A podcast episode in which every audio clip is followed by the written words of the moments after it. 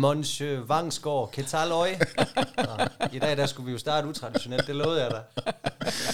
Hej Mads. Hej, Så sidder vi her igen. det gør vi. Jeg kommer lige tilbage til den normale start. Ja, lige præcis. Ja. Og med os i dag har vi øh, endnu en spændende gæst, og det er Laura Vilsbæk. Mm. Og jeg synes næsten, du skal lov til at præsentere dig selv, Laura. Hvad, hvad er du for en? Tak skal du have her nu. Ja, og hvor starter man med sådan et åbent spørgsmål? Man kan sige, at det, der nok er mest relevant i denne her sammenhæng, det er, at jeg arbejder i otte bestyrelser og i fire advisory boards. Og det gør jeg med en baggrund, som det, man sådan meget bredt kan kalde digital forretningsudvikler, digital strateg, digital projektleder. Øh, Jeg har været på sådan forskellige byråer, så jeg har ligesom siddet på den side af bordet primært. Øh, Og det er sådan min baggrund for at byde ind med den digitale dagsorden i bestyrelseslokalet. Ja. Altså, du, også, du driver også en, øh, du har en forretning, som egentlig handler om mm. det med at komme ind i bestyrelse. Er det ikke rigtigt? Jo, det er fuldstændig rigtigt, og tak fordi du spørger. Jeg øh, startede for fem år siden, der startede jeg faktisk en blog, der hedder nybestyrelsen.dk, fordi der havde jeg fået mine første bestyrelsesposter. Og så blev jeg spurgt, øh, hvordan gør man, hvad laver man egentlig, har du ikke et kæmpe ansvar? Alle mulige spørgsmål strømmede i min retning. Og dem besvarede jeg, og så fandt jeg ud af, okay, det kan jeg faktisk godt bruge rimelig meget tid på det her. Så jeg begyndte i virkeligheden bare sådan at effektivisere, og så besvare spørgsmålene i blogposts, fordi så havde jeg altid noget, jeg kunne henvise til. Og den der blog, den har vokset sig kæmpestor. Jeg, jeg overvejer faktisk nogle gange, jeg skal tælle, hvor mange posts, hvor mange artikler jeg egentlig har skrevet, men jeg tænker, det er 500 plus eller sådan noget. Okay. Hvor jeg besvarer spørgsmål om bestyrelsesarbejdet, hvad laver man, hvad dækker ansvaret, og hvordan kommer man i gang. Ja. Og det der med, hvordan kommer man i gang, det øh, lavede jeg til en bog øh, for to år siden, da verden lukkede ned. Så tænkte jeg, hvad skal jeg lave? Jeg kan ikke lave kurser, jeg kan ikke holde foredrag, jeg kan ikke ret meget herhjemme fra min lille hule. Så skrev jeg en bog, der hedder Du behøver ikke hedde Jens at gå i jakkesæt, som er sådan en fantastisk titel. kommentar til, ja, og tak til Karen Lebæk for den, jeg kan ikke tage æren for den, øh, men det er jo en kommentar til, at vi har en meget, meget stor homogenitet i vores bestyrelser, og at jeg jo kan se indefra, og det er der også mange, der kan se udefra, at vi har brug for mange flere forskellige kompetencer i virkeligheden og erfaringer i vores bestyrelser. Ja. Så det er det, jeg primært bruger min tid på nu, det er mit bestyrelsesarbejde, og så at hjælpe andre i gang med bestyrelsesarbejdet. ja. Og kodeord bestyrelser. Lige præcis. Jamen, mm. øh, skulle vi ikke lige folde noget af det ud, og sådan kigge på sådan en generelle mo- modenhed i øh, den digitale rejse i bestyrelsesregi? Kunne vi ikke lige sådan stille og roligt prøve at se, hvad er det, du ser derude, Laura? Jo, det kan vi. Øhm, Jeg har faktisk været med i et forskningsprojekt på, øh, på Aarhus Universitet, så udover at jeg har en masse personlige erfaringer og noget anekdotisk viden, så, øh, så ved vi faktisk også noget om, hvordan det ser ud i de danske bestyrelser. Og det projekt, jeg henviser til, det hedder Bestyrelsen som digital katalysator. Mm-hmm. Og der lavede man simpelthen en undersøgelse af en række små og mellemstore virksomheder, som så blev inviteret ind, og så lavede man sådan en indledende screening. Og den måde, man screenede dem på, det var faktisk, at man tog bestyrelsesformanden ind i et rum, og så tog man ejerlederen eller den administrerende direktør ind i et andet rum, for ligesom at finde ud af, jamen, hvad ved bestyrelsen om, hvad der foregår digitalt, og hvad er det reelt, der foregår i driften digitalt, hvis vi spørger den administrerende direktør. Mm. Og der viste sig jo faktisk, at der var ret mange bestyrelsesformænd, som faktisk ikke vidste, hvad der foregik mm. i de her virksomheder. Og det siger jo noget om, at bestyrelsen ikke havde fået sat det digitale på dagsordenen, så der blev simpelthen ikke stillet nogle gode spørgsmål. Der blev ikke taget stilling til, hvad er det, vi vil, hvordan angriber vi det her strategisk. Og det næste step i det projekt, det var så faktisk, at man gik i gang med, at man lavede sådan en intervention, hvor man øh, sendte nogen på en uddannelse, der blev udviklet i samarbejde med DTU, nogle bestyrelser. Så øh, var der nogle bestyrelser, som fik en di- digital konsulent tilknyttet, mm. sådan et, et ad hoc, ad hoc øh, hjælp til et digitalt projekt. Og så var der nogen, der fik et, et øh, bestyrelsesmedlem med en vis form for digital forretningsforståelse. Og det de så konkluderede på baggrund af det projekt, det var i virkeligheden, at det digitale aldrig kun handler om det digitale. Og det tror jeg måske godt, vi kunne have fortalt dem, men det der i virkeligheden var ret interessant, det var, at de der øh, bestyrelser, efter det her forløb i virkeligheden fandt ud af, jamen det handler jo om at finde ud af, hvor er det, det digitale passer ind i mm. vores forretning. Så, så øh, baseret på den der population, så kan man sige, der, der sker ikke sådan super meget digitalt ude i virksomhederne endnu, og vi har ikke sådan en super god kortlægning af det store billede. Men anekdotisk, der må jeg også bare sige, at jeg møder jo stadigvæk rigtig mange bestyrelser, som har svært ved at finde ud af, hvordan ser det ud, når det ikke er i driften. Ja. Fordi de har nogen i driften, der arbejder med noget digitalt. Alle har en IT-afdeling, og nogen har også en marketingfunktion, som er begyndt at tage hul på noget digitalt, eller er gode til noget digitalt. Men det der med sådan at angribe det strategisk fra bestyrelseslokalet, det ser vi ikke så meget endnu, men mm. det er på vej. Yes. Men, men det er måske også, altså, så kan jeg spørge, øh, det er jo også svært. Det er skidesvært. Du, du, tager, ja. du tager et emne, som hvis du øh, har en vis alder, mm. øh, måske ikke har meget konkret erfaring med, mm. Øhm, og så lige pludselig bliver spurgt om, hvordan skal vi arbejde med det her strategisk? Mm. Det vil sige, at du kommer op på et sådan ret højt abstraktionsniveau, Ja. faktisk. Ja. Øh, og hvis ikke du har den der grundindsigt, og hvis ikke du har nogle konkrete erfaringer selv, så er det enormt svært at gå op i abstraktionsniveau Helt og skal vildt. rådgive andre om, hvorfor skal I gøre det, og hvad Ja. skal I gøre? Ja. Altså noget af det, jeg plejer at tage fat i, det er i virkeligheden at tage, tage fat i det begreb, vi kalder det værdiskabende bestyrelsesarbejde. Eller ligesom sådan sige, jamen hvis vi er bestyrelse, så skal vi selvfølgelig skabe værdi for virksomheden. Altså kaffeklubbernes tid er forbi. Punktum. Det er den så ikke, men lad os lige lege, den var det. Ja. Hvis vi så gerne vil skabe værdi som bestyrelse, så skal vi faktisk kunne diskutere de største strategiske udfordringer i en virksomheds liv, og vi skal kunne diskutere de største strategiske muligheder. Mm. Og hvis ikke man har det digitale som et mulighedsperspektiv, ligesom bæredygtighed også er en kæmpestor strategisk driver for mange virksomheder i dag, så forsømmer bestyrelsen faktisk sin strategiske opgave. Og, og, og man kan faktisk pege på digitalisering, på bæredygtighed, på internationalisering. Der er sådan nogle store drivers, som vi simpelthen næsten uanset hvilken bestyrelse og virksomhed vi arbejder i, så er vi nødt til at forholde os til de ting. Så jeg plejer i virkeligheden at prøve at tage fat i bestyrelsens ansvar, som jo er at agere øverste strategiske ledelse i en virksomhed. Mm. Og det er ikke det samme som, at alle skal være skide gode til digitalisering. Jeg prøver faktisk at anerkende, at vi ikke behøver at være gode til det alle sammen. Men så skal vi vide, hvor vi har nogle huller, ja. og så fylde dem rigtig godt ud med nogle nye medlemmer, eller måske noget konsulenthjælp, hvis ikke vi er klar til at tage nye medlemmer ind. Ja, fordi man behøver jo ikke nødvendigvis at vide noget om et emne. Det er mm. jo egentlig også helt fair at sige, jeg ved ikke noget om det her. Ja. Men kære direktør, hvad er dine tanker? Hvad har du tænkt? Præcis. Hvad synes du, øh, hvad hedder det, vi skal diskutere på strategisk niveau? Ja. Så, altså, så stille spørgsmålene øh, Ja. kan man jo godt gøre uden at vide noget. 100 procent, og det er i virkeligheden det, det handler om, og det er også, vi taler om, at de digitale øh, er en kæmpe stor driver, og vi er i gang med en kæmpe stor transformation, men det er vores bestyrelser altså også. Og det, som bestyrelserne jo også skal anerkende, det er jo det der med, at de også går fra et øh, jeg alene vide perspektiv, et mm. kontrolperspektiv, hvor man har den der tilsynsopgave og kontrolopgaven, til faktisk at gå ind og være meget mere øh, en strategisk sparringspartner for virksomheden. Mm. Og når man er en strategisk sparringspartner, så tør man nemlig også stille spørgsmål.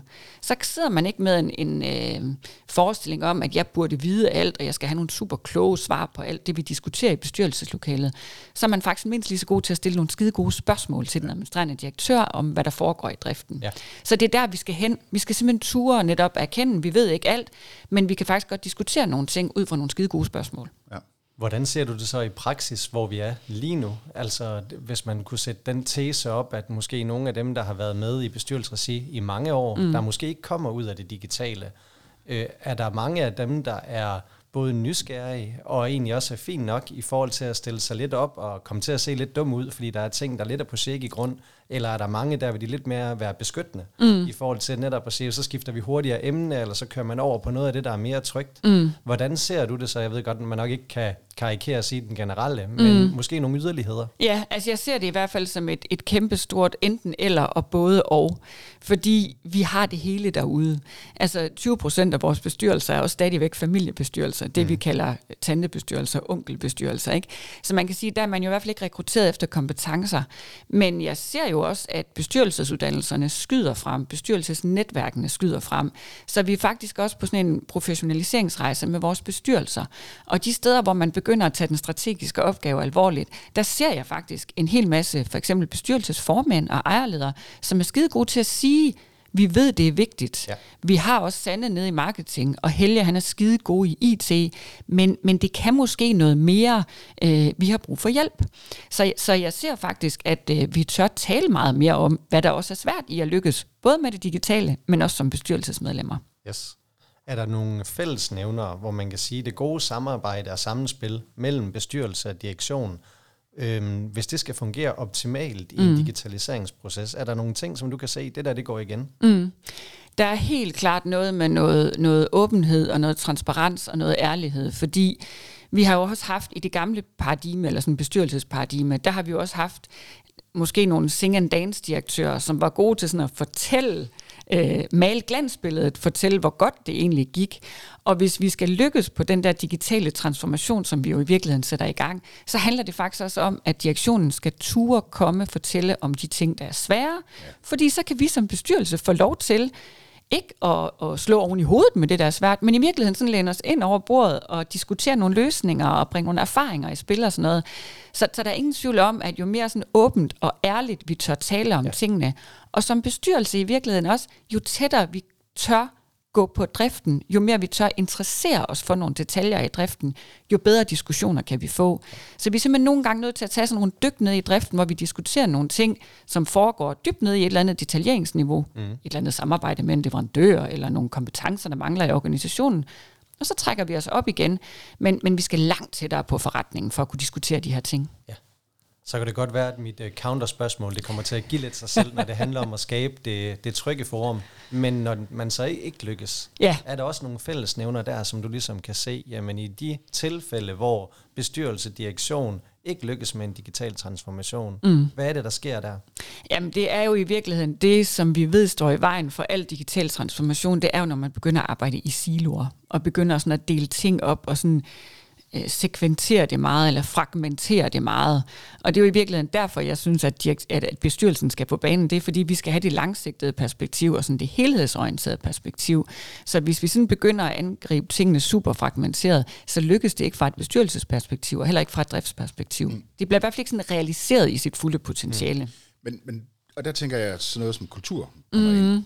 Fordi man, altså, personligt, så, så mener jeg jo, at øh, det allervigtigste eller den vigtigste forudsætning for en digital transformation, det er den kultur, der er i virksomheden. Mm. Hvordan vi arbejder med forandring. Mm. Og der tænker jeg jo netop, at, at bestyrelsen har en vigtig opgave mm. i at mm. sørge for, at vi har den, den mm. rette kultur. Det, det lyder så nemt at sige, at vi har den rette ja. kultur. Men det handler jo netop om, for eksempel, at ture og sige, når noget er svært. Ja. Jeg tror også, vi har, haft, vi har flere gæster her i podcasten. Øh, jeg kan huske blandt andet Maiken øh, Pape, hun brugte en formulering, der hed at ture og stille sig sårbare mm. som direktør. Ja. Så det der med også at skabe en kultur, hvor vi ikke bare altid har svaret, ved, den kommer bare Præcis. sådan der, mm. men at vi tør at spørge ind til, jamen, hvordan, hvordan har du tænkt at gøre det, og hvad er svært her, er der noget, jeg kan hjælpe med? Ja. Så du får man sige, en helt anden sådan åben diskussion om mm. det. Ja. Og, og det er jo noget, der skaber kultur, og det starter ved direktøren. Ja. At han eller hun tør ja. at stille sig op og sige, det der, det fatter jeg hat af. Ja. Øh, prøv at forklare mig lidt mere. Præcis. Det, og det er jo man siger, det der, hvor jeg synes, det er bestyrelsens opgave, mm. at sørge for, at der bliver arbejdet bevidst. Mm. Helt sikkert. Med mm. den forudsætning. Mm.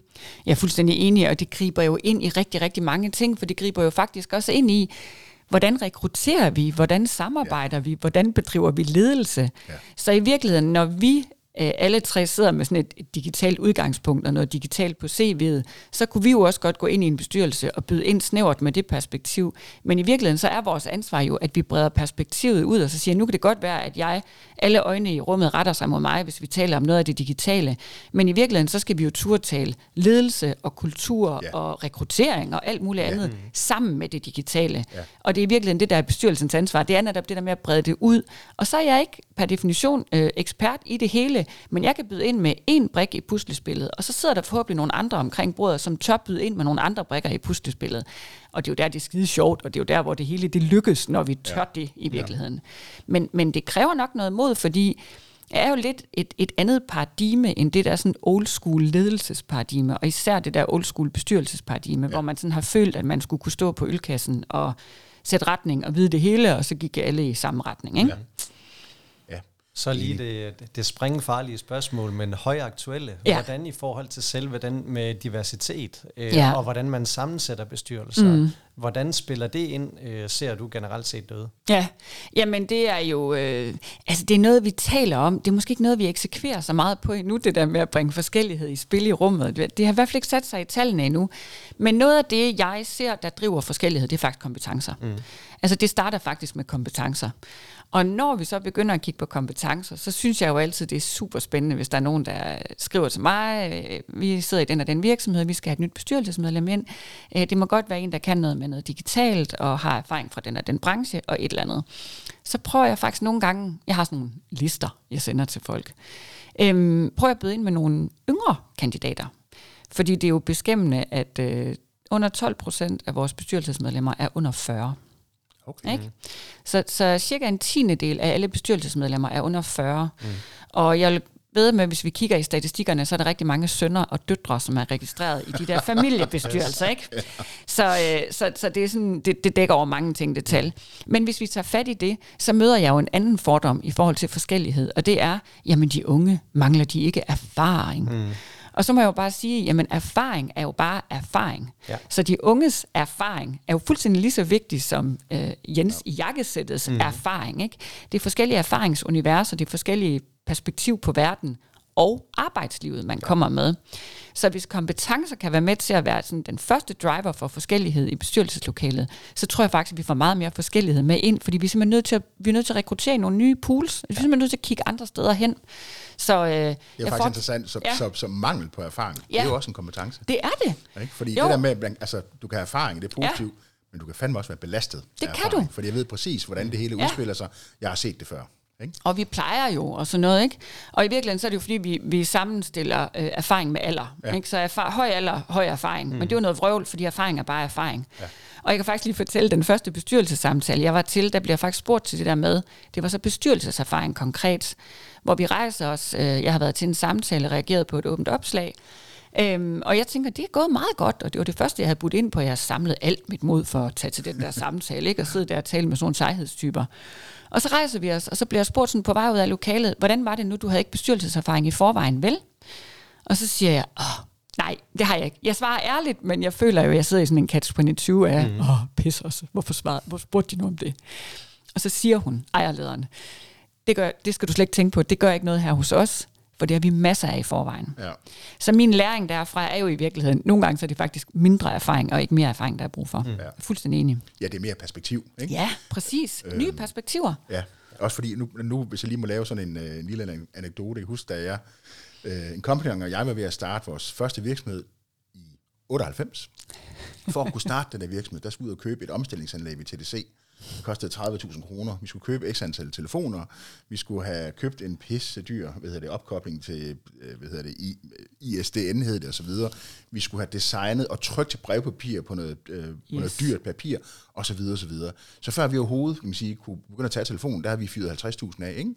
Og det var sådan vores forståelse af, at det er at starte en virksomhed. Mm. Og i dag, hvis du går hen til en, en 22-årig, mm. øh, som har en virksomhed, mm. jamen de har en bærbar computer, eller måske har de endda kun en telefon, Ja. og så går de ind, og så signer de op til 3, 4, 5 forskellige tjenester, øh, og så har de sådan en running business. Så også den der, altså, Ja. bare den forskel, hele den der forståelse af, hvordan, øh, hvad kan man gøre med, med, med, med digitale dimser og digitale mm. tjenester, hvor hurtigt kan man komme i gang. Mm. Det perspektiv ja. er jo guld værd, for Ja. ja. det er jo rigtig meget det, der også er brug for. Ja. At vi ikke, når der, når der kommer en konsulent og siger, nu skal vi i gang med digital, digitalisering, så kommer IT-chef ind og siger, ja, mm. det koster 8 millioner øh, for at komme i gang. For det gør det ikke. Det kan være, det koster 200 kroner at komme i gang. Mm. Ikke? Ja, fuldstændig. Og det er jo faktisk et opmærksomhedspunkt, jeg tænker, man skal have i bestyrelsen. Altså det der, man skal simpelthen lige have en advarselsklokke, der ringer, hvis nu vi taler digitalisering, og det kun er noget, der foregår i IT-afdelingen. Ja. Så skal vi i hvert fald have en IT-afdeling, som er begyndt at arbejde meget mere forretningsorienteret. Mhm. Ikke? Og der ser jeg mange forskellige IT-afdelinger rundt omkring. Jeg ser virkelig nogen, der er gået ind i transformationen, har taget den på sig, arbejder meget mere kundevendt, medarbejderorienteret, og er i virkeligheden sådan en super god service, og måske endda forretningsenhed. Ja. Hvorimod øh, jeg ser også nogle IT-afdelinger, som netop sidder og øh, famler i nogle store, tunge legacy-systemer og sådan noget, hvor det er simpelthen ikke den måde, vi driver den digitale transformation på. Så det er sådan et opmærksomhedspunkt på det Mhm. der med, hvor bor det, og øh, hvor bor det bedst, ikke? Ja. Ja. ja. Og der er jo også nogle af de ting med læring fra sportens verden. Altså, mm. jeg, jeg kan stadig huske min første bestyrelsespost, der hvor jeg, der var jeg benået over, at man kommer ind og får lov at byde Ja. med, øh, men forholder sig egentlig også ydmygt til opgaven. Jeg havde ikke en bestyrelsesuddannelse, jeg kendte mm. egentlig ikke nok mit formelle ansvar, så der var det jo meget det faglige input, man ligesom skulle komme med, men stille og roligt, mm. så bygger man jo på en erfaringskasse, og ja. jeg tror rigtig meget på det, du siger med, at man får lavet en sammensætning, både på tværs af alder og på tværs af køn, hvor man spiller hinanden gode, fordi sportens verden, der er det jo ofte faktisk de ret unge, mm. næsten helt mm. unge, der bliver verdens bedste fodboldspillere. Mm. De er unge og sultne og har masser at gå på mod, men de vil aldrig nogensinde kunne fungere alene. Jamen, altså, så præcis. det, at man har nogen at læne sig op af, der forstår det taktiske spil, og ikke skal gøre det sværere, end det er, du mm. ved. Det, jeg tror 100% det er det samme, når man også snakker sammensætning af en bestyrelse. Ja. Jo mere man kan komme omkring, fordi der er også nogle i SMV-segmentet uden at skal pege fingre, mm. men hvor der kan være malighed, at ejerlederne, de har måske de ting, de kan drømme om, og det forretningsmæssige potentiale er signifikant større. Mm. Det har de bare ikke ønsker om. Det er fint nok, der Ja. hvor man er. Man Ja. glemmer bare den gode gamle med, at hvis du ikke er i fremdrift eller udvikler dig, så kan der hurtigt være backroll, fordi du faktisk er i tilbagegang, og særligt i dagens Danmark. Ja. Så der er virkelig nogen der, ser jeg, der skal gøre op med malighed. Ikke? Ja. Ja. Jamen, jeg er fuldstændig enig. Det, det prikker faktisk lidt til en, en tanke hos mig, mm. øhm, i forhold til bestyrelses forpersonen. Hvad, Ja. hvad siger man nu om? Men jeg siger, altså jeg siger faktisk bestyrelsesleder. Ja, Og det er simpelthen, det er fordi fedt, jeg det synes, formand, ord. det er så old school. Ja. Ikke? Altså, det lugter bare af old school bestyrelsesarbejde, og sådan en for bordenden, der sidder Ad- og bestemmer har 30 og dominerer, og præcis, Ja. ikke? Ja. Hvor bestyrelsesleder, det er både kønsneutralt, men det siger faktisk også meget mere om bestyrelseslederens rolle. Og tak for det oplæg. Ja. Fordi det, jeg tænker, det er også, det her, det, det handler jo rigtig meget om, man kan sige, bestyrelseslederens Ja. Rolle som Ja. facilitator i Yes. bestyrelsen. Yes. Så det der med at sørge for, ligesom hvis du er en dygtig leder, mm. så er du også god til at spille forskellige folk ind med Ja. forskellige kompetencer og forskellige input. Ja. Og der tror jeg, altså, det er virkelig afgørende, at bestyrelseslederen forstår det. Ja, og så er du også god til at onboarde. Fordi det er faktisk noget af det, jeg ser, hvis jeg, øh, jeg, jeg genkender den der følelse, der du beskriver der, uh, man synes måske ikke lige, man ved så meget, og øh, kan man overhovedet byde ind på det her, ikke? fordi man, man passer ikke ind i den der sådan, skabelon, man har ind i hovedet for et bestyrelsesmedlem. Og der ser jeg jo faktisk vores frivillige bestyrelser sådan i vores civilsamfundsorganisationer, de er sindssygt gode til at onboarde nye bestyrelsesmedlemmer. De har måske endda en, en lille pipeline af nogle kandidater, de gerne vil have ind.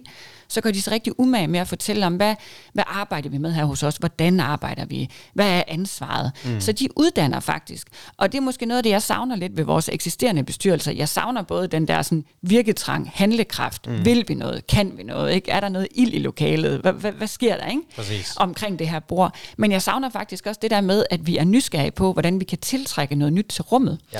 Fordi jeg må også bare sige, at nogle af de unge talenter, jeg har arbejdet sammen med, og nu er jeg jo blevet grå i toppen, øh, så jeg taler sådan om de unge mennesker, ikke? Men der er faktisk nogle af dem, hvor jeg nogle gange har spurgt, hvad skulle du ikke lave noget bestyrelsesarbejde? Mm. Rasmus, Jonas, hvem jeg nu taler med. Og så siger de sådan, nej. Og det er faktisk, fordi de synes, det lyder skide kedeligt. Ikke? Ja. Så de vil være skide gode til det, men vores bestyrelser, de har simpelthen forsømt opgaven i forhold til at gøre det interessant for dem, vi har brug for. Ja. Så, så det der med også at turde åbne døren og fortælle om, hvad er det egentlig, vi laver, for sådan at kunne tiltrække talent til vores bestyrelseslokaler, Ja. Det, det, det har vi fuldstændig overset. Altså, der er vi slet ikke endnu. Vel? Sidder sådan og lukker os lidt om os selv, og synes, vi er mega seje og kan det hele og sådan noget. De der døre, de skal bare åbnes. Ja. ja. Men der er vel også nogle ting, der laver, hvis man kigger lidt på tantebestyrelserne, mm. hvor det er meget det formelle, Ja. der ligesom skal efterleves på et absolut minimum, og så skal vi drikke noget kaffe. Ja. Det kan jeg godt forstå, at der er måske nogen, der tænker, at det er ikke den allermest fede øh, t- opgave, men så er der jo også de forretningsudviklende, Ja. hvor man virkelig kan sige, at her kan vi være med til at flytte noget, og der er nogen, der skal igennem en proces, mm. hvor at, ja, at netop at øh, den gode sammensætning virkelig kommer til sin ret. Mm. Jo, og jeg tænker jo også det der med, at øh, hvis vi fik noget nyt ind i lokalet, så begyndte vi også at udfordre den måde, vi holdt møder på. Fordi nu har jeg jo også arbejdet med strategiprocesser og sådan innovationsprocesser og sådan nogle ting i mange år. Og jeg har aldrig nogensinde prøvet at gå ind i et rum, og så forvente, at folk skulle være kreative ved at sidde på deres flade på de samme pladser i fire timer i streg og mødes om sådan en rimelig fast agenda. Mm. Hvor det der med også at bryde med de der formater for, hvordan er det, man holder et møde, hvordan er det, man forbereder sig til et møde, hvordan er det, man strukturerer et møde, hvordan er det, man får nye perspektiver i spil. Altså, jeg savner simpelthen, at den måde, vi driver god mødeledelse på, for eksempel i vores virksomheder, at vi også tager det med ind i bestyrelseslokalet. Mm. Og der ser jeg nogle gange, når når vi sådan får nogle, nogle lidt skæve, lidt yngre profiler ind, at de sådan introducerer noget nyt, eller stiller nogle spørgsmål.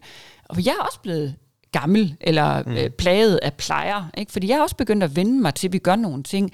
Det er bare super sundt for os alle sammen, at der lige kommer nogen og spørger, kunne vi egentlig ikke, eller hvorfor gør vi egentlig? Ja. Så af flere grunde er forskellighed bare skide godt, ikke? Yes. Så jeg, jeg tror i hvert fald også det der med at nedbryde, det, det, det, det, er noget, der resonerer. Nu bliver jeg helt subjektiv, men jeg kan huske første gang, man tog skridtet op og skulle være med i C-Level, der ja. Har man haft alle de der forestillinger om, at det var super overmennesker, der sad derinde, og Ja. nu blev det bare virkelig strategisk. øh, og uden at skal forklare det, det har været dygtige folk. Ja. man har siddet med. Alt øh, respekt for dem. Øh, men man, man sander hurtigt, nej, det er bare mennesker. Og Det er nu skal vi spille hinanden gode, og det er jo akkurat det samme, ja. Når man tager skridtet ind i bestyrelsesland. Fuldstændig. Så er der en rejse med at lære, det vil, det vil jeg faktisk sige sådan subjektivt med, mm. at få det mere formelle på plads. Ja. Hvad er det rent faktisk, man står på mål for? Så Ja. at the end of the day, hvad er det for et årsjul, og hvad er det for nogle rytmer? Mm. Det kommer med erfaring. Mm. Men det, der er lidt mere på det kommercielle forretningsudvikling, det er egentlig lidt mere business as usual, eller hvad man skal sige, med noget, man kender. Men, Ja. det, det, men der tror jeg også nogle gange, at sådan, formen og øh, netop årsjul og så videre, det bliver kernen i bestyrelsesarbejdet. Mm. Og det er det jo ikke. Mm. Så du har fuldstændig ret. Der er jo noget formelt, mm. vi skal overholde. Der er nogle rammer. Øh, hvad hedder det? Og, og, der er noget rapportering, vi skal følge. Og, og det er der bare. Det skal vi. Ja, ja. Men jeg tror virkelig, at det vigtige her, det er at sørge for at få det adskilt. Fordi ja, ja det skal vi have styr på. Mm. Men, men hvad er det også, vi skal? Ja. Øh, og der synes jeg tit netop, at bestyrelsesmøder kommer til at blive afrapportering. Ja, øh, enig. Og, og direktionen på mål. Ja, enig. Øh, og det er ja. jo forkert, synes ja. jeg. Også. fordi der har man den forkerte relation, fordi man er ikke ligeværdige strategiske Nej. sparringspartnere, der er sammen om at løse en opgave. Det er en diskussion, det er en eksamen. Præcis, ja. ja. Og så kan man sige noget rigtigt og noget forkert, og man kan blive øh, klynget til vægs, eller man kan blive hyldet og klappet ud af lokalet og sådan noget. Det er jo slet ikke der, vi skal hen. Altså, vi er jo simpelthen nødt til at kunne tale om tingene, og så løse dem i fællesskab. Ja. ja. Men det er så ikke også, nu bare lige en tanke, kunne det så ikke også være en idé nogle gange, når man så holder de her bestyrelsesmøder, at man så inviterer nogle af virksomhedens egne specialister ind, oh, en marketingchef, en IT-chef, en et eller andet. Ikke? Så også apropos det, du siger med at komme tættere på driften, ja. så måske ligesom man får input udefra, der kommer en konsulent og står mm. øh, og fortæller om et eller andet, mm. at man også tager nogle af de interne konsulenter, mm. de interne specialister ind, mm. og folder noget ud, og er med til at, og, hvad man siger, at give diskussionerne noget mere substans. Jo, og det er simpelthen faktisk en af mine kæpheste, du tager fat i der. Okay. Fordi jeg kan simpelthen ikke forstå, at vi kan sidde og træffe beslutninger i et vakuum, hvor vi ligesom taler om øh, en ny go-to-market-strategi, eller en salgsstrategi, eller whatever-strategi, vi sidder og taler om, og så, og så har vi ikke sådan rigtig noget blik for, hvor er kunderne på det her, og hvor er medarbejderne på det her. Så det der med, at vi i virkeligheden lader som om, at vi ved alt i det der lokale, i det der øjeblik, og så træffer vi nogle beslutninger. Det er super sårbart. Der skal vi have nogle medarbejdere ind i lokalet, og det har vi faktisk i alle mine bestyrelser. Ja. Der inviterer vi simpelthen nogle fagchefer eller nogle medarbejdere ind på de emner, vi ligesom diskuterer, dem der sidder med det mm. til daglig. Fedt. Og der ligger faktisk sådan et helt risikoperspektiv i det også, fordi hvis nu vi som bestyrelse kun har den administrerende direktør til at fortælle os alt om, hvad der foregår i driften, så er der faktisk en risiko i, at vi får malet et forkert billede. Jeg siger ikke nordisk fjer. Ikke, ja, for eller, eksempel, ikke? Ja. Vi har jo nogle grimme eksempler. Ja. Og, og det der med at få nogle flere stemmer ind i bestyrelseslokalet, det giver bedre øh, diskussioner, flere perspektiver og alt muligt andet. Det giver faktisk også en risikoafdækning i forhold til ja, de beslutninger, vi træffer. Det. det gør det. Og omvendt, så kan man sige, at der er også en super stor fare for, hvis nu vi træffer beslutninger i bestyrelseslokalet, så går den administrerende direktør hjem til organisationen og skal begynde at eksekvere på tingene. Jamen der giver det jo et meget større ejerskab, hvis dem, der skal være med til at eksekvere på tingene, de faktisk har hørt, hvad var det egentlig, der blev sagt? Hvad var det for nogle diskussioner, der førte til de beslutninger, der blev truffet? Yep. Fordi jeg møder faktisk også mange nye bestyrelseskandidater, hvor deres motivation for at gå ind i bestyrelseslokalet, det er, at de synes, dem, den, de synes, de har arbejdet op mod så mange bestyrelser, der har truffet så mange dårlige beslutninger, at de tænker, at det kan de simpelthen gøre bedre. Ja. Så det der med at ture åbne lokalet for flere stemmer fra organisationen, sindssygt vigtigt. Ja. Og så skal vi være synlige som bestyrelse. Vi ja. skal simpelthen en gang imellem rundt i virksomheden og hilse på folk og spise en frokost og, og være i et eller andet omfang tilgængelige, sådan der ligesom er en anden form for ejerskab til vores beslutninger, så vi ikke er sådan nogle fjerne, øh, distancerede typer, der træffer beslutninger ja. i et vakuum. Men, øh, og det kan jeg godt se, men altså, der er jo også, altså, der er jo også sådan formelt set, mm. at øh, der er nogle ejere, der ansætter og fyrer en bestyrelse, er en bestyrelse, ja. der ansætter og fyrer en direktør, og direktøren ja. ansætter og fyrer resten, vil ja. jeg sige. Ja. Altså, man sige, kan der ikke også være nogle, øh, kan det også være lidt farligt, jo, at det hvis, det. hvis de grænser bliver for udvisket? Jo, altså jeg har faktisk prøvet sådan helt konkret at blive kontaktet øh, af en medarbejder fra en virksomhed, ja. som øh, havde en bekymring.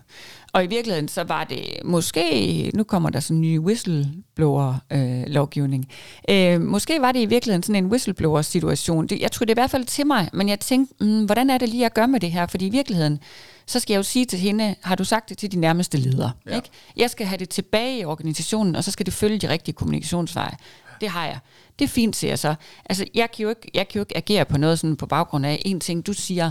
Men det, jeg tænker, det er, at vi kan abstrahere det op til at tale om et tema, der hedder god ledelse. Ja. Så hvad er god ledelse?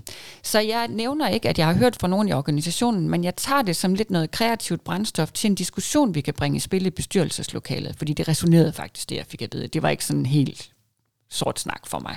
Øhm, men vi skal jo følge kommandovejen, ikke? Så, så der er ikke nogen fra virksomheden, en medarbejder, der kan gå direkte til mig, og så sætter jeg noget på bestyrelsens agenda. Jeg kan sige, har du talt med din leder, så kan jeg tale med min leder, som er bestyrelsesformanden i første omgang, og sige, kunne vi sætte det her på dagsordenen? Men jeg holder det fuldstændig adskilt og går tilbage i de formelle ja. roller. Mm-hmm. Men, men jeg fornemmer noget, og det gør jeg jo også. Det er også derfor, jeg synes, det er fedt at spise en frokost i virksomheden en gang imellem. Man fornemmer jo, apropos kultur, ikke? hvordan er det, vi taler sammen her? Øh, taler alle sammen? Blander vi os? Griner vi højt? Ja. Øh, hvordan er kulturen? Og det er simpelthen en del af mit kreative brændstof, for at jeg sådan føler, at jeg kan træffe nogle gode beslutninger. Ja. Det, det stiller jo så også nogle andre krav til dig som bestyrelsesmedlem. Det gør det. Man gjorde før, fordi der har du de der seks møder om året, mm. en, øh, en generalforsamling og strategiseminar, og så Ja. fem almindelige bestyrelsesmøder. Ja. Øh, så det er jo også enormt meget tid at skulle investere i det, i forhold til det honorar, man får, for eksempel. Ja, men det kan man sige, altså, øh, og det er jo ikke nogen hemmelighed, fordi honorar er faktisk kortlagt, og det er noget, det folk synes er mega spændende. Men man får jo, ifølge SMV bestyrelsesrapporten 2022, man kan bare google den, øh, mellem 30 og 80.000 i honorar for en bestyrelsespost i SMV-segmentet. Så det går så fra 10.000 op til 200.000, og formanden får typisk det tredobbelte. Så Ja. ja. der er så sådan en ret stor variation, men mellem 30 og 80.000. Mm. Så lavede jeg på et tidspunkt sådan en optælling, fordi jeg tænkte, hvor meget tid bruger jeg egentlig? Fordi du har fuldstændig ret. Jeg vil gerne være aktiv. Jeg vil gerne være en, man kan kontakte. Jeg vil gerne tage telefonen, når den ringer og besvare mails og sådan noget. Og det troede jeg faktisk bare, det var en selvfølge. Men det er det måske ikke altid.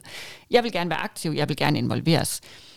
Det er ikke noget, nogen er begyndt at gnave af min arm for, at jeg har rakt dem den lille finger. Nej. Så, så jeg bruger mellem 50 og 80 timer om året per post. Ja. Og det er fordelt netop på de der faste møder. Jeg har mellem fire og seks møder og en strategidag.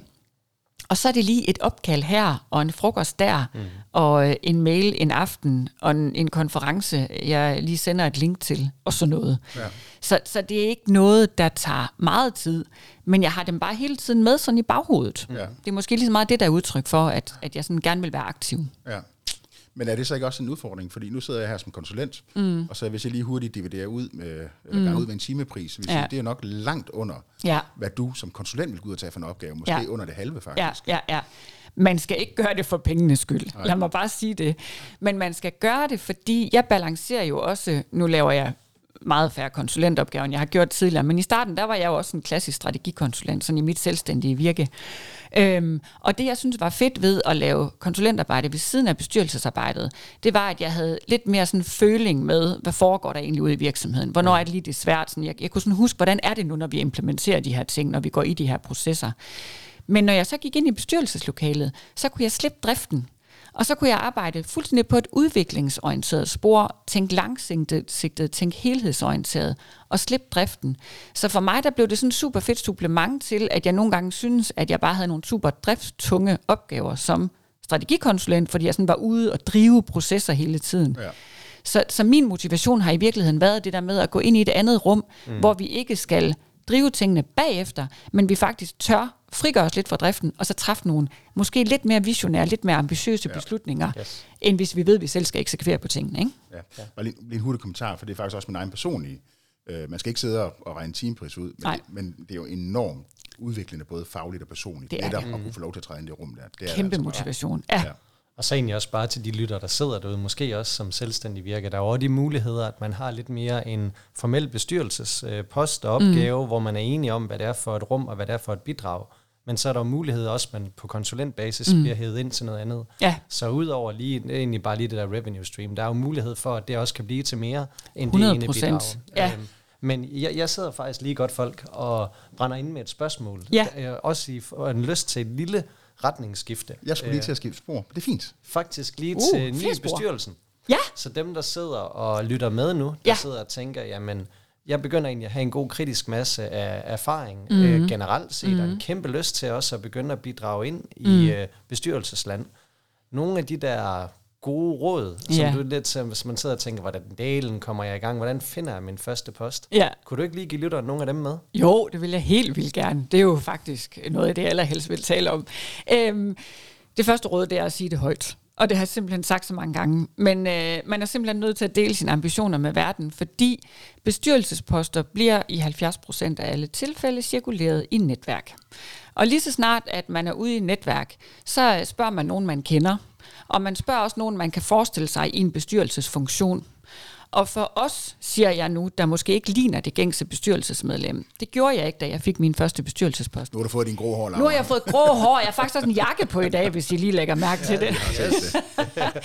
Så, så i virkeligheden, for os, der ikke ligner det gængse bestyrelsesmedlem, eller sådan ikke har taget jakken på endnu, der er vi simpelthen nødt til at sige det til nogen.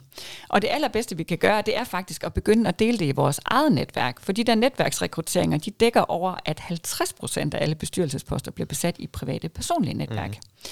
Så det allerbedste, vi kan gøre, det er faktisk at gå ud og kortlægge, hvem kender jeg, der arbejder i bestyrelser, der er bestyrelsesledere, der er ejerledere, der er administrerende direktører, der ejer virksomheder, der er founders, hvis vi gerne vil arbejde mm. med startups. Så det er der sådan, man laver en super systematisk kortlægning, og så i virkeligheden begynde at øve sig i at fortælle dem, jeg kunne faktisk godt tænke mig noget bestyrelsesarbejde, eller jeg er nysgerrig på bestyrelsesarbejde, kan du gøre mig klogere, hvordan arbejder du i dine bestyrelser? Så begynd at øve ja, i at sige det, ikke? Ja. Og i det har jeg allerede givet det andet råd, kortlæg dit netværk. Mm. Arbejd systematisk med dit netværk. Og hvis man, er, hvis man driver selvstændig virksomhed, så er man jo faktisk trænet i det i et eller andet omfang, fordi det er tit den måde, man starter sin selvstændige virksomhed op på, det er, at man finder ud af, hvem kender jeg, som kan hjælpe mig til nogle opgaver. Ja. Og så er der faktisk også noget i... Øh, at møde folk ude i virkeligheden. Så hvis nu vi skal ud sådan og udvide de der cirkler for det bestyrelsesrelevante netværk, ikke? man kan starte i de nære cirkler, hvem kender jeg, men der findes faktisk utrolig mange, det jeg kalder bestyrelsesrelevante events, mm. som er sådan konferencer, der handler om bestyrelsesarbejde, eller... Øh, øh, revisorerne eller advokaterne, de dykker ned i en eller anden ny form for lovgivning, og så holder de et morgenmøde eller et gå hjem møde. Så der er sådan ret mange øh, events, der i virkeligheden sætter bestyrelsesarbejdet på dagsordenen. Og det, der sker der, det er faktisk, at man møder både nogen, som selvfølgelig er på udkig efter bestyrelsesposter, men man møder faktisk også dem, der arbejder i bestyrelserne, fordi de har brug for at dygtiggøre sig inden for mm. den her agenda og simpelthen være opdateret. Så sig det højt, dyrk jeres netværk, at gå ud og udvide netværket ved at opsøge nogle af de der aktiviteter, der sætter bestyrelsesarbejdet på agendaen. Mm. Det var bare tre, yep. og der var, var mange tre flere. rigtig gode. Hvis man så går ind øh, på selve som ejerleder, ja. øh, der måske ikke har en bestyrelse endnu, ja. eller har haft noget i nogle år, ja. og man egentlig lige karikerer lidt og siger, at der er en omkostningsside, ja. hvor meget kan vælge at bruge på en bestyrelse, mm. og så er der en kompetenceside. Hvad mm. er det egentlig for nogle input, jeg gerne vil have? Mm. Øhm, med brede pensler, ja. øh, og man kan kigge på en sammensætning, hvor, hvor mange medlemmer består en bestyrelse egentlig typisk af, mm. og hvor mange burde måske at udvide ja. dem, der er derude den dag i dag. Ja. Hvordan ser du det? Det er et skide godt spørgsmål. Altså jeg øh, får personligt tics, når jeg hører om de der store organisationer, som sådan har bestyrelser på 17, 19, 21 mand og sådan noget. Det er sådan helt forfærdeligt. Det er der sådan rigtig mange. Jeg troede kun, det var amerikansk advokat. Nej, men der er sådan noget finansiel virksomhed og sådan noget. Der okay. kan du med at tro, der er mange bestyrelsesmedlemmer i mange af de der. Men når det så er sagt, så vil jeg sige, hvis jeg sådan skal slynge et tal ud, så synes jeg sådan fem er et godt tal. Både fordi det sådan er ulige, men også fordi, at jeg hellere vil starte småt end stort. Mm. Så rent faktisk, hvis jeg møder en ejerleder, som øh, er sådan begyndt at overveje, at han hun måske skal udskifte familiebestyrelsen og etablere en professionel bestyrelse, så vil jeg altid anbefale, at man starter småt, i stedet for at starte stort. Fordi det er bedre at starte småt med nogen, hvor man ligesom sådan får etableret et samarbejde, og man som ejerleder får øvet sig i at gå ind i det der rum, og være ærlig og åbent, og hvad er det egentlig, jeg har brug for hjælp til? Altså, der, der, man sætter sindssygt mange processer i gang, når man etablerer den der bestyrelse. Så start småt, og der er faktisk rigtig mange, som starter med at finde en bestyrelsesformand, altså en bestyrelsesleder, hvor man i virkeligheden siger, vil du ikke hjælpe mig med at rekruttere og sætte det her team? Så det kan være, at man starter med tre medlemmer måske, ud over en selv, og så kan det være, at det bliver til fire, fem, men helst ikke ret mange flere, fordi øh, vi skal også have nogle diskussioner, hvor vi ikke lander på laveste fællesnævne beslutninger, men hvor vi faktisk har noget kendt i vores diskussioner. Ja. Jeg kunne faktisk godt tænke mig, on that note, mm. at gå lidt tilbage til det noget, noget af det, vi øh, startede med at tale om. Sige, hvornår er det, man egentlig lykkes, og hvad er det, hvordan skal vi arbejde med digitalisering i bestyrelsen? Ja. Det kunne faktisk være spændende at prøve at blive enormt konkrete, og måske ja. kan du prøve at give et konkret eksempel ja. fra et konkret bestyrelsesmøde. Det kan jeg. Uden ja. at selvfølgelig afsløre for meget. Ikke? Ja. Men hvad er det så for en diskussion, hvad er det for et niveau? Hvordan mm. øh, behandler I det emne her? Det kunne jeg egentlig godt tænke mig at prøve at dykke lidt ned i. Ja, Jamen, jeg har sådan en helt konkret case, og den er faktisk kendt, fordi det er øh, Logitrans, der hvor jeg fik min første bestyrelsespost. Som jeg jo kender. Som du kender her ja. nu, fordi du har jo faktisk været inde og hjælpe mig med at lave et af de der initiativer, vi satte i gang. Ja. Så hvis nu jeg skal tage fat i Logitrans, så var øh, casen ved Logitrans, at øh, de faktisk havde rigtig mange idéer. De havde rigtig mange digitale initiativer, de gerne ville sætte i gang, og jeg blev sådan en lille smule forpustet den første gang, jeg mødtes med dem der til samtalen, for jeg tænkte, vidste sådan cirka, hvor mange medarbejdere de var, og hvad de lavede, og sådan Jeg tænkte sådan, wow, det er med mig ambitiøst. Så der blev det tydeligt for mig, og det er det meget, meget, meget tit, når vi arbejder, uanset hvilke strategiske projekter vi arbejder med, der er simpelthen brug for en prioritering her. Så sådan helt lavpraktisk til det allerførste møde, jeg havde med dem, der kortlagde vi simpelthen, jamen, hvad er det for nogle initiativer, vi drømmer om, snakker om, måske har sat lidt i gang, måske har sat lidt på pause igen. Hvad er det i virkeligheden? Så sådan en indledende kortlægning, hvor, hvor vi simpelthen bare tømte hovedet, og så sagde, jeg har også hørt noget om, at der er noget i gang der, og nogle andre havde hørt noget. Så vi lavede en kortlægning. Så lavede vi en, øh, en prioritering hvor vi ligesom sagde, hvor, hvor meget er det realistisk at gabe over her? Jamen, det kunne godt være sådan tre projekter. Og det viste sig, at det var det jo ikke, fordi det, der så skete, da vi så begyndte at tale om de der tre projekter, jeg kan faktisk ikke huske, hvad det var for en tre projekter, vi startede med. Jeg kan bare huske, at vi talte om de der tre projekter, og så spurgte vi i bestyrelsen, jamen hvordan ser det ud, når det lander i driften? Altså, hvem, hvem, hvem er projektejer på det her? Hvor, hvor, hvor ligger det? Og så siger Gitte, som er ejerleder, og det har hun også selv fortalt, jamen det ligger ved mig. Jamen, hvad, hvad så med det her? Jamen, det ligger ved mig. Hvad så med det her? Det ligger ved mig. Ikke? Og på det tidspunkt, der var Gitte altså også øh, salgs- og marketingdirektør, og havde rigtig mange i direkte reference. Så det blev tydeligt, at det faktisk ikke handlede om at få eksekveret på en masse digitale projekter. Det handlede faktisk om at få bygget en organisation, som var klar til at tage ejerskab på nogle digitale projekter. Ja. Og så inviterede vi faktisk dig her nu. Ja. Fordi vi har sådan et, øh, Logitrans har sådan en nytårskur, så hvert år de møder ind efter juleferien, samler de alle medarbejdere, både i administrationen og for produktionen, og så øh, plejer de at gå rundt til afdelingslederne, og de fortæller lidt om, hvad de laver i de forskellige afdelinger. Så de sådan lige sådan bliver bragt op til speed med, hvad har vi egentlig i gang her i virksomheden. Men så var der netop det år, hvor vi aftalte, den der nytårskur, den kan noget andet. Og det var Gitte der som ejerleder, som ligesom havde tænkt, den kan noget mere. Så den brugte vi faktisk til en digitaliserings et digitaliserings kick-off, hvor vi virkelig kørte sådan en innovationsproces, ikke? hvor vi øh, havde alle medarbejdere på gulvet, øh, mobiliserede dem i nogle forskellige grupper, og så kørte vi dem igennem sådan en innovationsproces. Og når jeg siger vi, så var det jo faktisk dig, der faciliterede det arbejde. Ja. For jeg var nemlig ikke klar til som bestyrelsesmedlem, apropos det du sagde før, Mads, jeg havde super meget brug for, da jeg startede som bestyrelsesmedlem, at skille rollerne ad. Så jeg havde faktisk et princip om, at i de virksomheder, hvor jeg arbejdede i bestyrelsen, der ville jeg ikke lave konsulentarbejde, for jeg var simpelthen bange for, at jeg ikke kunne finde ud af at skille de der roller ad. Hvornår er jeg det ene, hvornår er arbejde det andet. Så jeg inviterede dig her nu. Øh, og der kørte vi den der innovationsproces, og øh, de fik sådan fem cases, de skulle arbejde med, idéudvikle på og sådan noget. Og det, der jo sker nu, det er, at de fem cases, de arbejdede med i dag, de er jo implementeret alle sammen. Er det rigtigt? Ja, de er. Og det, de ikke har implementeret endnu, det er den der fantastiske robotteknologi, hvor Dorte agerede robot i sådan en øh, øh, menneskeprototype af noget robotteknologi. Øhm, den er de så i gang med og har indgået et strategisk partnerskab med Mir. Så bare for at sige, det startede med alt andet end digitalisering. Det startede med noget planlægning, noget prioritering og noget organisering. Ja. Og så kunne vi begynde at tage et mm. projekt og placere det. Hvordan går det? Et men, projekt men lige skal en hurtig bemærkning Meget der, gerne. fordi øh, altså udover det var den hårdeste workshop, jeg nogensinde arrangeret, fordi det var 80 deltagere, og jeg fik at vide på forhånd, du må ikke bruge engelske ord, yeah. fordi det er alle der med, øh, og du må ikke sige noget, du må ikke bruge IT-fagtermer og så videre. Det var meget, meget svært for mig, som jo 50% af alt, hvad jeg siger, er jo et eller andet halv engelsk mærkeligt på jumbo. Men, men det der faktisk, lige sådan en tanke her, ja jeg tror, noget af det vigtigste for den dag også, det mm. var, at det der, den der overskrift, som er enormt abstrakt, ja. digital transformation. Ja. Det, altså, hvis du står og svejser ned på værkstedet, ja. så sådan, hvad, fanden, hvad snakker de om? Ja. Og, og det, at vi sådan fik konkretiseret det, mm. og folk øh, fik lov til at lege med det, fordi det var jo en helt legedag, vi det også lavede, ikke? Mm. Ja. Det tror jeg også gør en stor forskel, at det ikke er noget, vi skal være bange for som ja. virksomhed, ja. uanset hvor der er hen i virksomheden. Du ved, hvad det er, det betyder, ja. når direktøren stiller sig op på stolen og siger, at nu skal vi øh, snakke digital transformation. Ja det var fandme, ja. det var vigtigt, synes jeg. Og der var faktisk en anden ting, øh, som var noget, jeg gik og tænkte på i løbet af dagen, det var jo, at der dukkede noget nyt talent op. Ja. Ikke?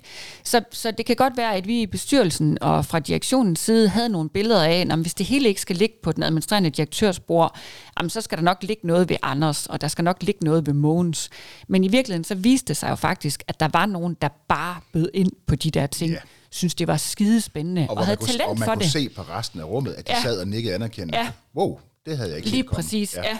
Så, så, øh, og det er sådan et meget konkret initiativ, hvor vi har mobiliseret hele organisationen, ja. hvor man kan jo i virkeligheden bryde det ned i bidder, og så kan man i virkeligheden sige, jamen hvad er det, vi gerne vil? Fordi det, det hele startede jo med, at vi fandt ud af, hvor understøtter det forretningen bedst ja. muligt, ikke? og det var ja. de fem cases, vi, øh, vi valgte og. Og hvis jeg lige må hoppe tilbage på sporet igen, så, ja. så efter den innovationsworkshop, ja.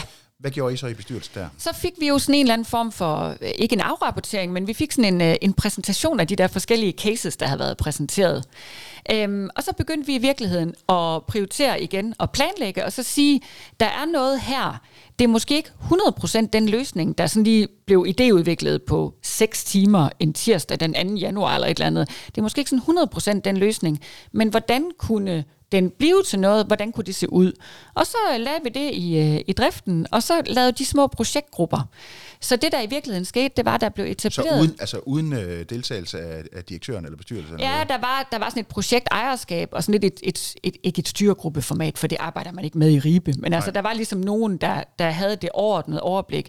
Så helt konkret, så havde Gitte, som var ejerleder og administrerende direktør, kæmpestort Gantt-chart hængende inde på sit kontor, hvor der ligesom sådan var legnet op, hvad er det, vi gør først, hvad er det, der ligger lidt længere fremme i planen, mm. og hvem er det så, der er ansvarlig, og hvem er det, der er involveret i de enkelte projekter, og hvordan er sådan den overordnede plan, altså hvad er det for en fremdrift, vi sådan mm. ser for os nu.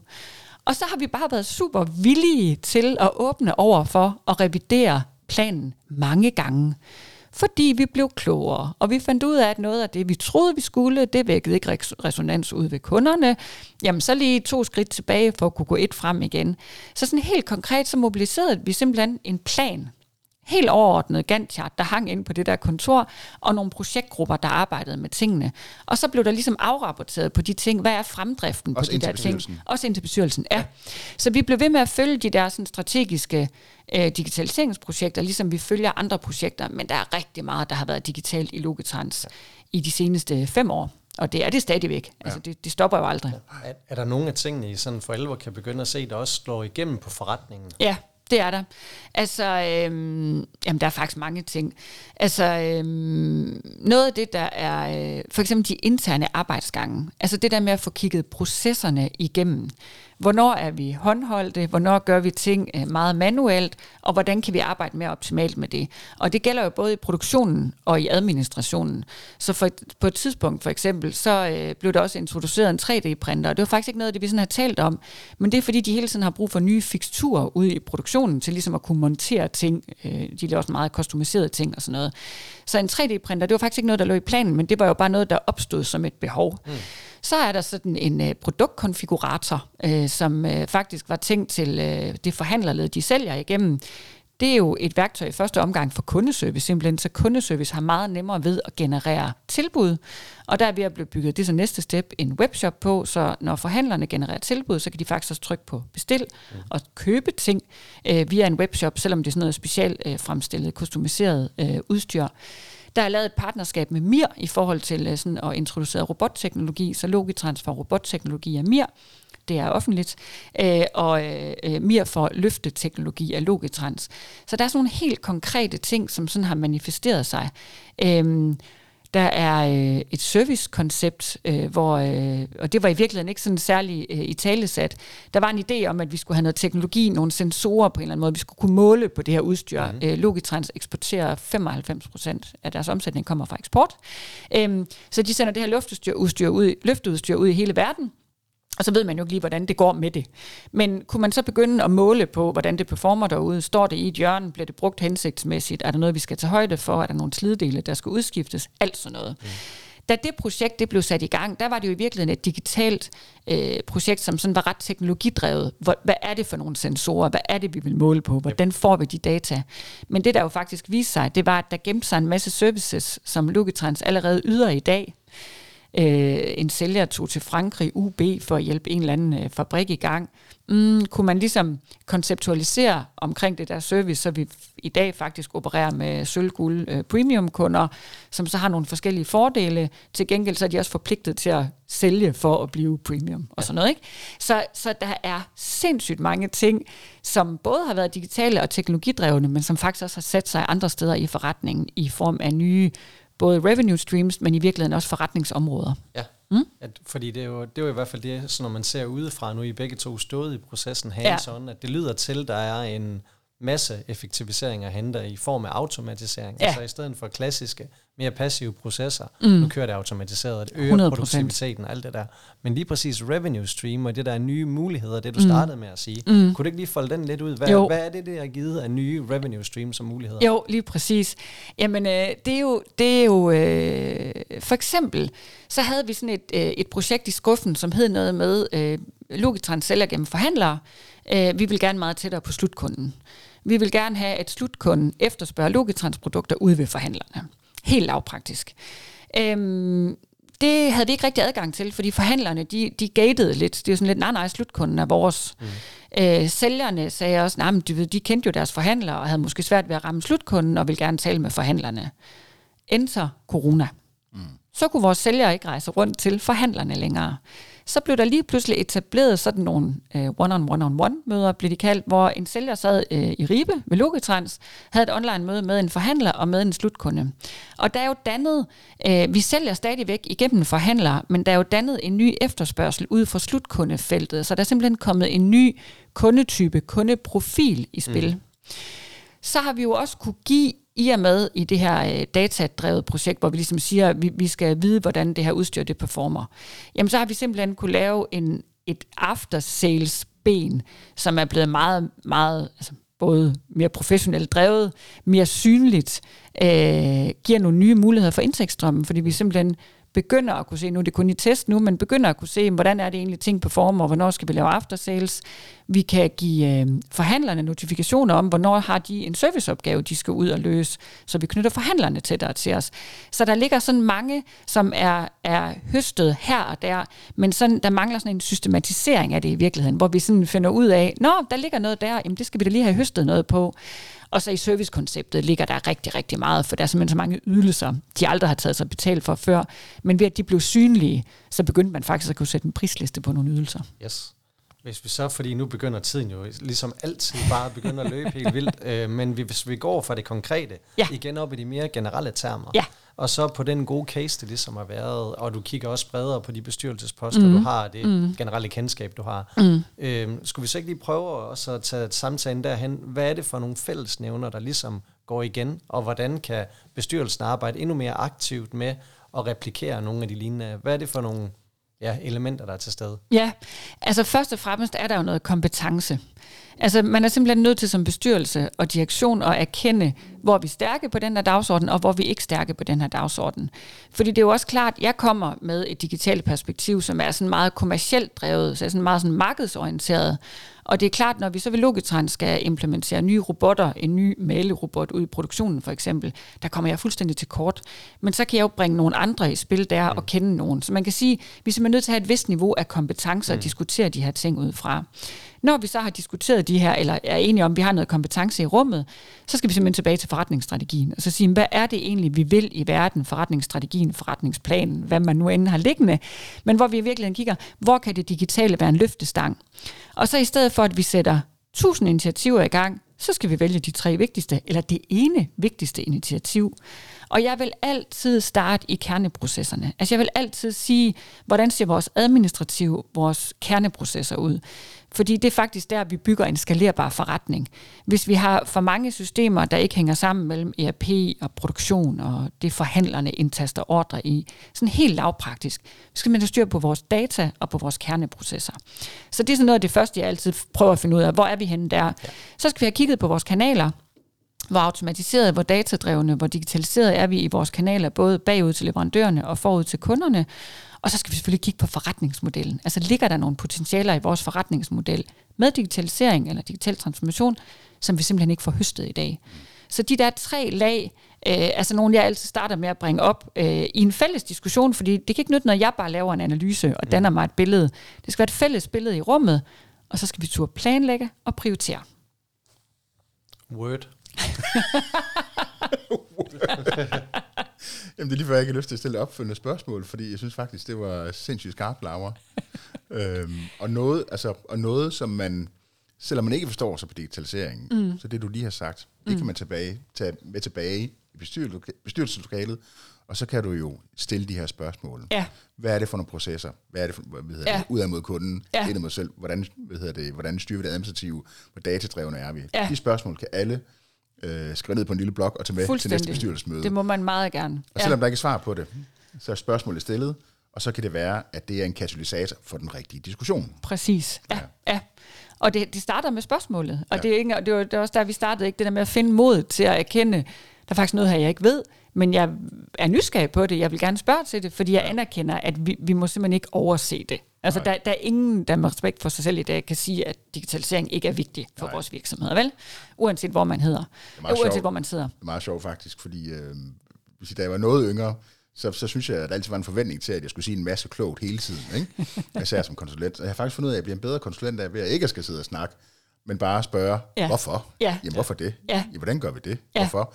Og det er meget sjovt, det der med, at, man siger, at det er også svært for en virksomhed at få ekstern konsulenthjælp ind, konsulenthjælp ind til at drive processen. Ja. Øh, du kan få lidt input, men i bund og grund, det der, der kommer ind ud, øh, udefra og stiller mm. de, de dumme spørgsmål, mm. så man også får en bevidsthed om, hvad er det egentlig, vi ikke ved noget om her. Mm. Øhm, Og det, tør det, at være vedholdende i de dumme spørgsmål. Ja. Ja, Ja. ja, ja, det skal man nemlig. det kommer med alderen. Og det skal man især som bestyrelsesmedlem, og det kunne faktisk være et fjerde råd, når du lige bringer det der på banen. Ikke? Hvis man gerne vil pitche sig selv som bestyrelsesmedlem, så skal man lige huske, at kemi det faktisk er det væsentligste rekrutteringskriterie ude i vores små og mellemstore virksomheder. Ja. Så det er faktisk meget vigtigere at komme og være nysgerrig, åben, interesseret og stille gode spørgsmål, mm. hvis man gerne vil pitche sig selv som bestyrelsesmedlem, ja. end det er at komme med sådan et supermans pitch af alt det, man kan. Ja. Så spørgsmål, spørgsmål, spørgsmål, det er i virkeligheden der, vi skal hen. Ja. Mm. Det er sjovt, der, nu kan jeg ikke huske, hvad den hed. Der er sådan en eller anden øh, selvhjælp, selvhjælpsbog, som en amerikansk forfatter skrev under depressionen. Øh, altså, hvor der var mange folk, der You mistede lost me. Fedt, Hanno. Fortæl. Jamen, hvad, okay, hvad er den hedder? Men der er sådan et citat, men you can make uh, more friends uh, uh, på fem minutter ved at, ved at være interesseret i andre mennesker, end du kan i at tale uh, 10 timer om dig selv. Ja, ja. Øhm, Ja. Jeg, kan, ej, jeg kan ikke huske det nu. Det er faktisk en ret sjov bog, jeg har læst den. Øh, Men det er jo rigtigt. Ja, 100 procent. Fordi at... Øh, Anerkend, vær interesseret, vær nysgerrig. Det kan Ja. vi jo alle sammen godt lide, ikke? Ja. ja. Det, øh, så det er også sådan lidt mindre sådan, du ved, performance-typen i mm. alt for stramt... Øh, ej, jeg ved ikke, hvorfor jeg altid bruger det med stram jakkesæt. Det er måske, fordi jeg ikke selv kan have stram jakkesæt på. I don't know. Men du ved, man har den der fordom, og det den der super skarpe konsulent, der kommer ind. det. Ja, præcis. Det der billede, der ved, at den super skarpe konsulent er den super skarpe Ja. markedschef, direktør, der Svar bare på kommer ind, der har bare og- smask, smask, Ja. smask. Øhm, og det er jo den der performance-kultur, ikke også? Mm. At, og, og så netop komme over til, hvorfor? Ja. Øh, kære direktør, øh, hvordan, hvorfor ser de tal ud, som de gør? Det ved jeg faktisk ikke. Det er Ja. gå tilbage undersøge. Ja. Hvad har du tænkt at gøre? Det ved jeg faktisk ikke. Ja. Altså, det er, jo, det er jo meget mere givende for den proces, vi snakker om her. ja, det er Øh, nemlig. Det er klart, det duer nok ikke, når vi skal sidde og diskutere kreditpolitik og udlån i, Danske Bank, vel? men Der er mange discipliner, ikke? men den Ja. digitale, den udmærker sig virkelig ved at vi er dybt afhængige af de der gode spørgsmål. ja, Ja, helt enig. Så hvis vi, øh, jamen vi skal jo sådan set til at runde lidt af, ikke også? Det skal vi. Ja. Vi, øh, Jeg plejer altid lige have et, når jeg har besluttet mig for, at vi skal runde af, så plejer du altid lige have et spørgsmål mere. Jamen, jeg synes jo egentlig, at øh, da jeg sagde Word før, der synes jeg egentlig, det var en mega god wrap-up. kan Ej, man og sige, så ødelagde jeg det. For Laura. Nej, overhovedet Jeg ikke. Nej, nej, men det, jeg synes jo, det er jo mega, mega relevant. Ja. Øhm, så 100 Jeg synes også, vi kommer omkring nogle, øh, vi kommer omkring nogle gode øh, områder her i dag, nogle gode emner. Øh, og jeg synes måske bare, at vi skal stoppe så. Skal vi ikke det?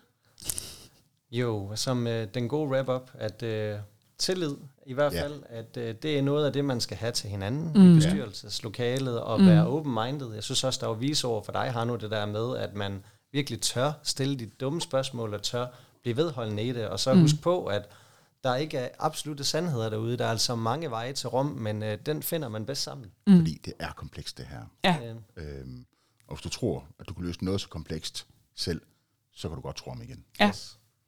Vi siger tak for i dag. Tusind tak, fordi at du vil være med, Laura. Selv tak. Det var simpelthen fornøjelse. fornøjelse.